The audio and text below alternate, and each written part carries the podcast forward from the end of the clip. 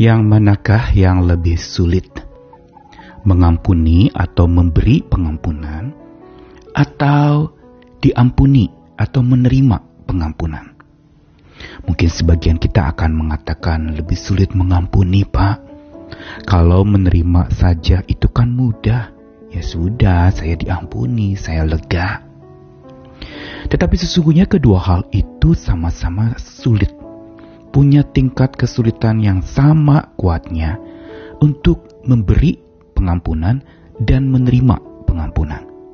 Mengapa saya katakan sama-sama sulitnya, sama-sama punya tingkat kekuatan yang sulit untuk bisa kita melakukannya? Karena pada dasarnya manusia bukan bersifat pengampun dia sulit sekali untuk mengampuni, begitu juga dia sulit untuk menerima pengampunan.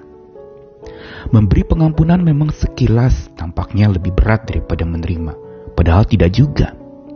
Karena menerima diri diampuni juga ada dinamika kesulitannya tersendiri.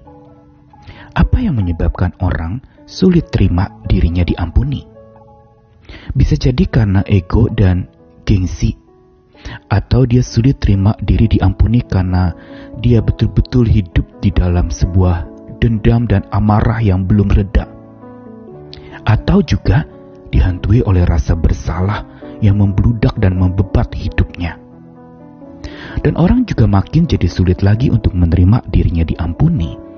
Adalah karena dia terus-menerus hidup di dalam perasaan diri tidak layak tidak pantas untuk diampuni dan dalam rangka itu dia mencoba menebus kesalahannya dengan melakukan berbagai macam cara untuk memulihkan hubungan yang telah rusak itu.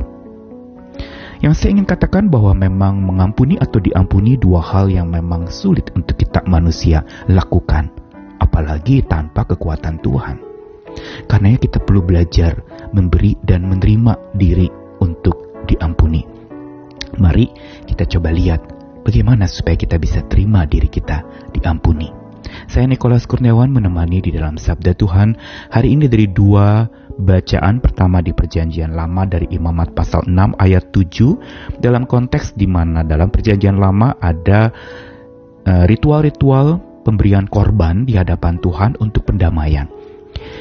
Pasal 6 ayat 7 Imamat imam harus mengadakan pendamaian bagi orang di hadapan Tuhan sehingga ia menerima pengampunan atas perkara apa pun yang diperbuatnya sehingga ia bersalah. Lalu dalam Lukas 5 ayat 8, ketika Simon Petrus melihat hal itu ia pun tersungkur di depan Yesus dan berkata, Tuhan pergilah daripadaku karena aku ini seorang berdosa. Saudara-saudara di dalam bacaan ini khususnya dalam imamat, berulang kali kalimat bahwa imam harus mengadakan pendamaian untuk supaya orang yang diberikan pendamaian itu menerima pengampunan atas perkara yang dibuatnya sehingga dia bersalah. Ini mau menegaskan kepada kita tentang satu makna bahwa kita perlu hidup didamaikan dulu dengan Tuhan dan dengan sesama, baru kita bisa mengampuni. Selama ini orang berpikir kita ampuni dulu baru kita proses pendamaian terjadi. Padahal sesungguhnya ini dua terkait yang mana duluan dua-duanya sama penting bukan yang satu lebih penting dari yang lain. Dan dalam konteks imamat dikatakan imam harus mengadakan pendamaian bagi orang itu lebih dulu supaya ia terima pengampunan. Masuk kepada sebuah aplikasi dan penerapan dalam hidup kita. Kenapa kita sulit menerima diri diampuni? Karena kita masih hidup di dalam rasa bersalah yang menghantui kita masih terus merasa diri sudah melakukan satu kesalahan yang fatal dan kita merasa karena begitu besarnya kesalahan kita dan akibatnya kepada orang-orang yang kita lukai itu membuat kita terus-menerus hidup di bawah tekanan rasa bersalah yang istilahnya menghantui. Berarti begitu menyeramkan. Dan itu teringat serta terngiang terus sampai akhirnya dia merasa saya tidak pantas diampuni, saya tidak pantas diampuni dan terus hidup dalam tekanan yang begitu berat sampai akhirnya menjadi stres, depresi atau bahkan merasa demi untuk supaya saya bisa membereskan kesalahan saya di hadapan orang itu lebih baik saya habisi diri saya sendiri saja. Akhirnya jadi seseorang yang sulit terima dirinya diampuni, jadi menghukum diri. Mencoba melakukan berbagai macam cara dalam rangka menebus kesalahannya kepada orang lain yang sudah dia lukai itu. Padahal sebenarnya apa yang mau kitab suci katakan hari ini adalah bahwa sumber kekuatan kita untuk mengampuni satu-satunya adalah Tuhan. Dialah imam yang mengadakan pendamaian sebagaimana konsep di dalam imamat itu. Imam yang harus adakan pendamaian baru orang itu bisa menerima pengampunan. Berarti perlu ada pendamaian dulu dan ini kekuatan yang sungguh-sungguh berkhasiat dan penuh dengan kuasa untuk seseorang bisa menerima dirinya diampuni sekaligus memberi dirinya mengampuni orang lain. Dan dalam konteks tadi Simon Petrus ketika dia tersungkur depan Yesus dan berkata Tuhan pergilah daripadaku karena aku orang berdosa.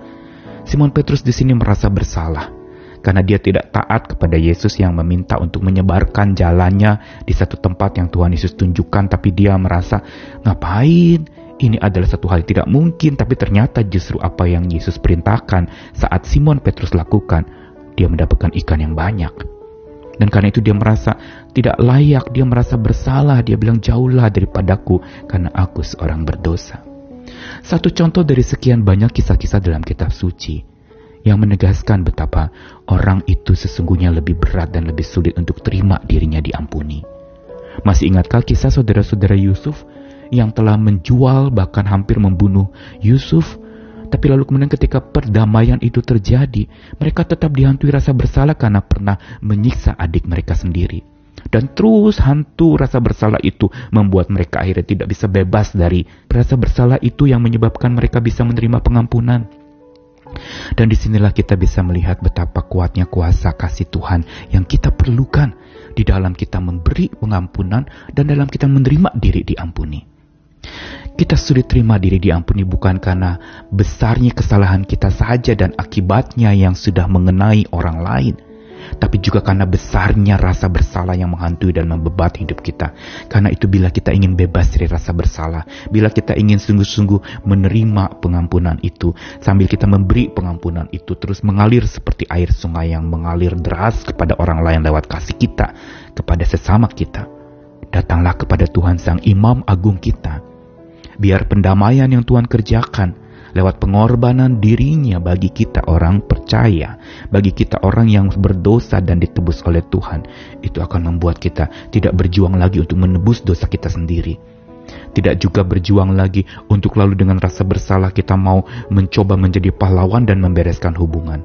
Tidak mungkin kita lakukan tanpa Tuhan.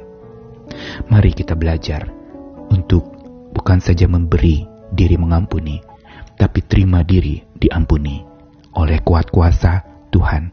Hari ini bila ada rasa bersalah dalam dirimu yang masih menghantui, bawa kepada Tuhan. Masih membebat hidup, minta Tuhan lepaskan oleh karya pendamaian Tuhan. Datang kepadanya agar hidup damai sungguh terjamin, bukan sekedar menjadi sebuah ketenangan semata, tapi sebuah pendamaian dalam hati yang membuat kita bisa menjalani hari-hari kita dengan lega, dengan cinta kasih Tuhan yang memberikan kepada kita ketentraman. Tuhan mengasihi kita sekalian, selamat menerima diri diampuni. Amin.